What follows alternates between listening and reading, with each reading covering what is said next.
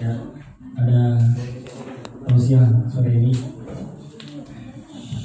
7 menit A'udzu billahi. Assalamualaikum warahmatullahi wabarakatuh. Alhamdulillah rabbil alamin. Allahumma salli ala sayyidina Muhammad wa ala ali sayyidina Muhammad. Rabbi shrah li li amri wa hlul 'uqdatam min lisani yafqahu qawli. Rabbi anzilni munzalan mubarakan wa anta khairul munzilin. Sadaqallahul adzim. Ada satu sepenggal hadis Nabi yang saya jadikan pegangan semenjak saya satu SMA. Potongan hadis ini ada di awal Riyadus Solehin.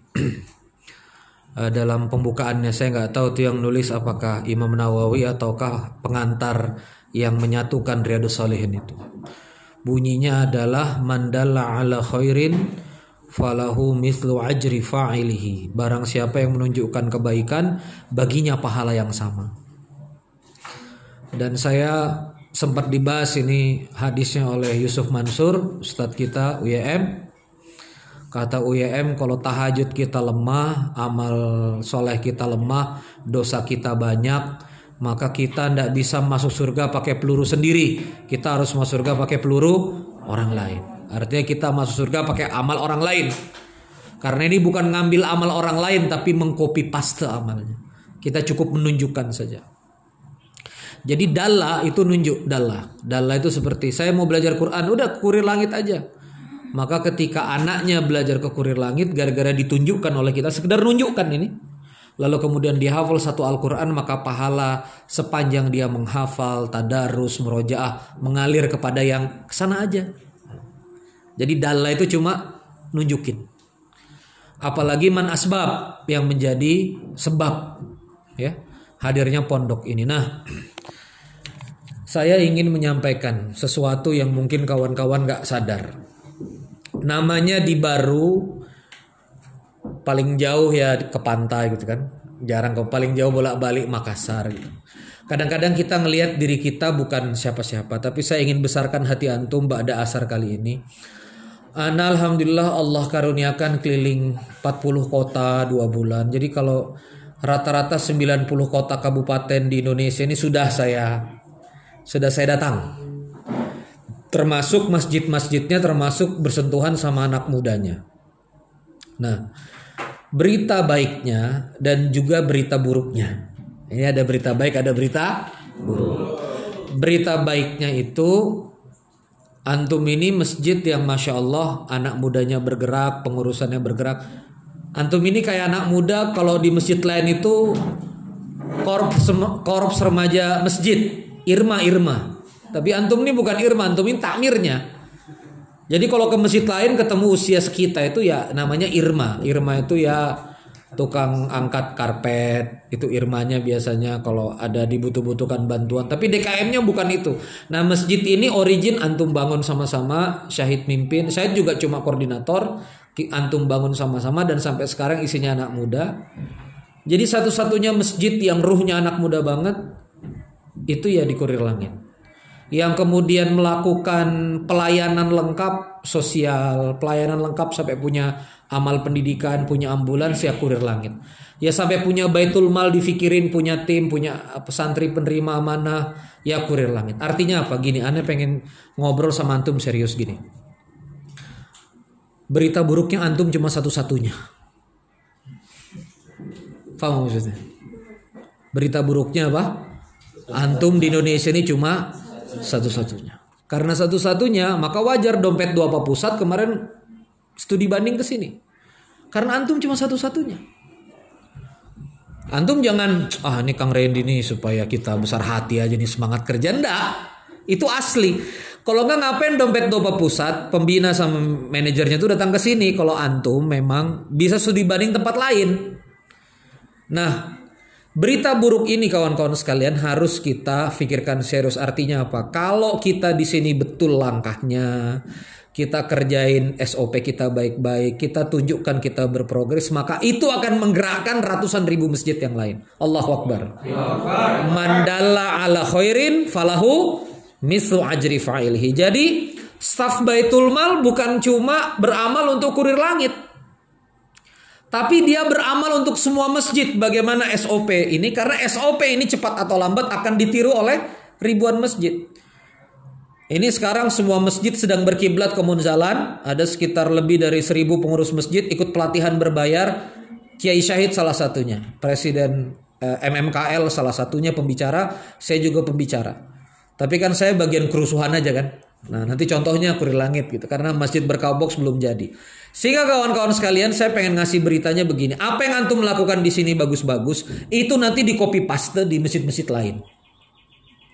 Bukan cuma 24 titik masjid Kur Langit di Sulawesi Selatan, tapi kemudian nanti akan di copy paste oleh seluruh masjid di Indonesia. Kita kan bukan bisnis, ya copy paste copy paste lah silakan. Begini cara kita kelola donatur, begini cara kita kelola database, begini cara kita. Kita akan beritahu semuanya. Maka dari itu beramallah yang baik-baik di sini, tunjukkan kalau mudah-mudahan gini, tidak boleh kita syahwat, oh harus bangun asrama 8M, tapi kita tunjukkan kepada Allah kerja yang betul supaya kita layak dikasih 8M, oke? Okay? Karena rezeki itu tentang kelayakan. Saya tadi ngelihat foto apa video saya di kolong-kolong apa di kolong-kolong rumah itu ya akhirnya ngelihat betul-betul ya bener ya adik-adik kita ini ngafal Quran tidur di kolong-kolong gitu. Mereka orang tuanya percaya menitipkan pada kita dan itu ada ratusan ribu anak pak. Perhatikan, ada jutaan anak Indonesia yang nggak dapat pendidikan yang layak. Kita cuma punya kursi 100 uh, 100 per angkatan mungkin. Maka perlu ada ratusan ribu, puluhan ribu masjid yang kayak kita. Maka kita harus beramal betul-betul. Supaya apa? Supaya menggerakkan yang lain. Masjid lain itu tidak bisa dikasih ceramah. Tapi mereka bisa dikasih contoh. Namanya slide hidup. Namanya narasi hidup. Namanya ayat-ayat yang hidup. Kita tidak usah banyak ngomong. Kita kerja aja. Biarkan mereka datang ke sini. Lihat. Ini santri makan enak tiga kali sehari. Biar mereka lihat. Ini bangunan 8 miliar 1000 bed. Ya, 8 miliar 300 bed ya. Berarti kalau 1000 bed kira 24. Ah ini 24 miliar. Ini anak-anak muda yang bangun gratis nggak pakai uang pangkal nggak pakai macam-macam ini jasnya mereka ini Qurannya mereka ini songkok mereka apa segala macam ini sabun mereka segala macam free ini udang windu di sungai ya ini milik wakaf produktif kurir langit ini lahan kita ini lahan sayur kita ini sawah kita sekian ribu hektar ini gitu biarkan dia ngeliat ini penggilingan sawah milik Masjid Kurir Langit dan seterusnya. Maka dari itu tugas kita adalah mandala. Coba lagi apa? Mandala. Mandala. Kita tunjukkan Begini caranya ngurus masjid. Begini caranya kasih tempat buat anak-anak muda. Ini jadinya masjid kalau dikasih sama anak-anak muda 20-30 tahun. Maka kalau misalnya sudah terbukti, insya Allah bapak-bapak kita yang senior di ratusan masjid, di ratusan ribu masjid yang lain akan percaya ke anak-anak muda di Indonesia. Atas wasilah siapa? Wasilah antum. Jadi mohon maaf berita baiknya masjid antum ini bagus, masya Allah fungsional, insya Allah sesuai dengan semangat dari Masjid Nabawi, tapi berita buruknya yang kayak antum cuma satu. Wah, gimana Kang Munzalan? Ya, Munzalan ada keunggulannya, nah, antum ada keunggulannya dan ana berani jamin antum cuma satu.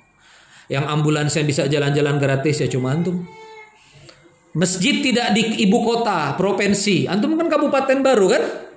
Bukan ibu kota provinsi Sulsel, tapi antum bisa maju. Berarti antum satu-satunya Contoh masjid di daerah dengan segala keterbatasan sumber daya manusia, sumber dana, jaringan, akses, tapi antum bisa bikin sesuatu karya yang besar. Antum cuma satu. Karena cuma satu, semua orang matanya ke sini. Saya aja ke sini, gitu kan? Karena saya bilang saya mau saya mau ada jasa konsultasi konseling untuk scale up masjid. Nggak kepake saya di mana-mana karena masjid yang lain di scale up apanya? Cuma sisa takmir aja satu. Ya, apa yang mau di scale up? Susah.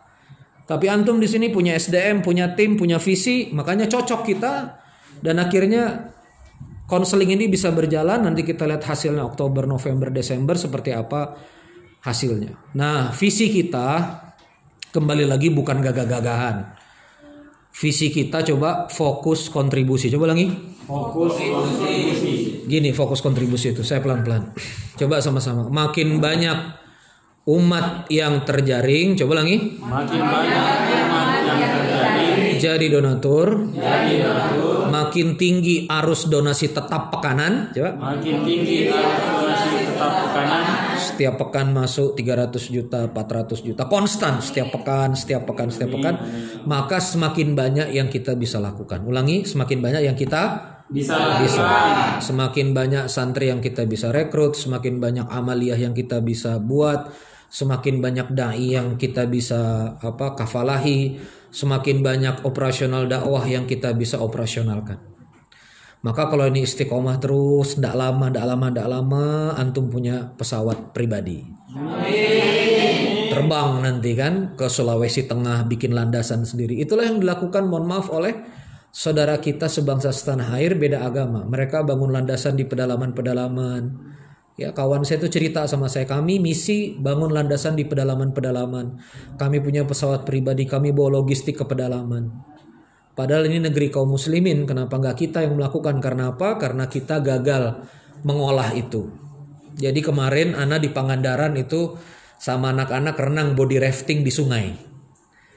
Tiba-tiba sungai dari dangkal tiba-tiba jadi 10 meter. Ternyata apa di bendung sungai itu. Di bendungan kecil namanya waduk. Lalu kemudian di ujung waduk itu di- dikeluarkan arus air. Yang kemudian arus itu jadi saluran irigasi. Apa yang bisa Anda ambil pelajaran di sini? Umat itu seperti aliran sungai yang kecil-kecil, tetesan kecil-kecil itu umat. Kita mesti bendung. 10 ribu kalau di tangan satu orang umat Islam gak akan jadi apa-apa. Tapi 10 ribu di tangan 10 ribu umat Islam dititipkan ke kurir langit jadi 100 juta. Itu bisa bikin pondasi, bisa bikin macam-macam. Itu seminggu. Kalau 10 minggu 1 miliar. Kalau 80 minggu bisa bikin asrama. Jadi aliran tetesan air kalau dia sendiri-sendiri dia nggak akan jadi apa? Nggak akan jadi apa-apa. Tapi kalau kita bendung dia akan jadi kekuatan. Bisa gerakkan turbin. Kenapa? Karena dibendung. Begitu dibendung kekuatannya besar. Nah, kurir langit ini adalah bendungan. Berkabox adalah bendungan, Munzalan adalah bendungan, Askof, Ustadz Lutfan adalah bendungan. Nah, kurir langit ini bendungan, kita bendung. Sebanyak-banyaknya aliran sungai. Fundraiser adalah menggerakkan aliran sungai menuju bendungan. Begitu kita bendung 8 miliar, 20 miliar, 30 miliar kita bisa lakukan banyak hal. Kita bisa akuisisi lahan, kita bisa ini dan itu semua kita wakafkan untuk umat. Godaan setannya cuma satu. Pagi ini saya capek sekali ngurusin wakaf ya. Kan kalau supir apa bukan supir, tim driver kurir langit kan Makassar baru-baru Makassar kan Ferrari kan. Kecepatannya Schumacher gitu. Goncang-goncang, masya Allah, mantep banget gitu kan. Sambil ngadmin, wah ini udah kepala udah keputar uh, berapa derajat itu, waduh masya Allah. Saya kadang-kadang mikir setan masuk, ren ren ngurusin aset orang, ya kan? Uang masuk dibelikan lahan, lahannya bukan atas namamu, nggak bisa kamu jual, nggak bisa kamu miliki, nggak bisa kamu bisnisin. Itu setan bicara begitu. Tapi karena setan bicara gitu kita ajak ngobrol lagi kan. Ya enggak apa-apa, ini kan untuk umat, untuk wakaf. Kan nanti saya dapat di akhirat. Gitu. Udahlah kamu gak usah bobo pengikut kan gitu. Kita ajak ngobrol lagi setannya. Nah jadi kawan-kawan sekalian yang kita lakukan ini memang apa berbalik arus dengan apa yang anak-anak muda lakukan di luar sana. Mungkin saudara-saudara kita ada yang jatahnya jadi pengusaha, ada yang jatahnya dia memperkaya diri betul itu nanti suatu saat dia jadi basis apnia, dia harus terjun ke market. Tapi kita-kita yang sudah mengabdi di masjid ini harus sadar bahwa kita tulang punggung umat yang kemudian bekerja untuk umat. Khidmat aja mudah-mudahan barokah. Saya rasa demikian ya. Saya kembali lagi dalam kesimpulan yang tadi saya ingin sampaikan. Masjid yang kayak kurir langit ini antum keliling ke seluruh Indonesia nggak ada. Masjid yang punya ambulan, anak muda, dipimpin juga masih 30-an tahun, rata-rata SDM-nya range 20-30 tahun, punya santri 170, nggak ada. Punya titik tanah wakaf sampai 6, berlanjut lagi sampai skate, nggak ada. Punya jaringan nasional, nggak ada. Jadi masjid yang kayak kurir langit ini cuma antum. Maka semua orang akan belajar ke sini. Nah begitu antum nanti kerjanya setengah-setengah, ini akan jadi fatal. Kenapa? Orang lain akan, oh kurir langit begini gitu. Dia akan standarnya apa? Standar kurir langit. Tapi kalau antum kerjanya serius, maka orang akan ngikutin kualitas antum.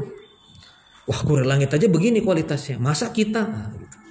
Jadi kita mandala akan menunjukkan kepada puluhan ribu masjid yang ratusan ribu masjid yang lain. Nah bayangkan kalau masjid-masjid itu terhidayahi karena asbab antum, gede banget pahalanya.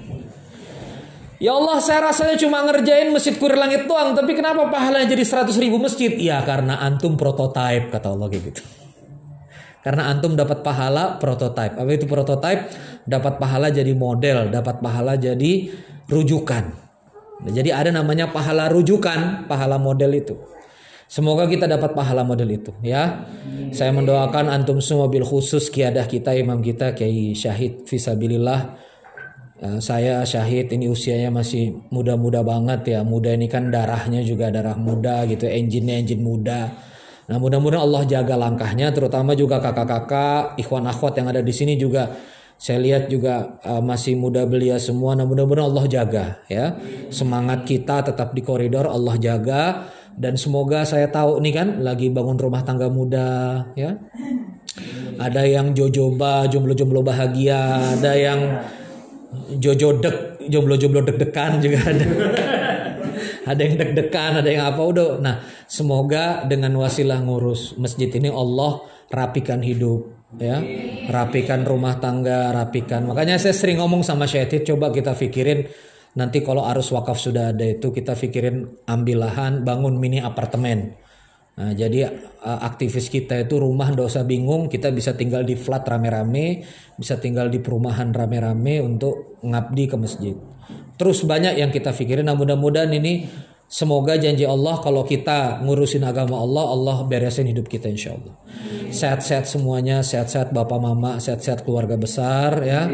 Semoga yang sedang berumah tangga Allah sakinahkan, kasih karunia anak yang soleh soleha, uh, rizki kasih anak yang taat dan semoga yang sedang sendiri Allah karuniakan istri, suami soleh, soleha, uh, mujahid, mujahidah yang ngerti dakwah satu visi satu fikroh insya Allah amin. Itu saja mohon maaf ini uh, Kiai Syahid nggak minta cuma Ana lagi semangat aja gitu. karena Ana lagi semangat Ana minta tausiah ini di 15 menit terakhir. Syukron terima kasih. Wassalamualaikum warahmatullahi wabarakatuh